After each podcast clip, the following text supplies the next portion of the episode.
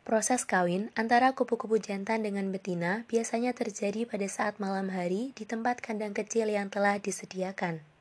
Kemudian, pada saat pagi hari, proses kawin antara kupu-kupu jantan dengan betina harus dibantu untuk dilepaskan, karena proses kawin biasanya pagi sudah selesai.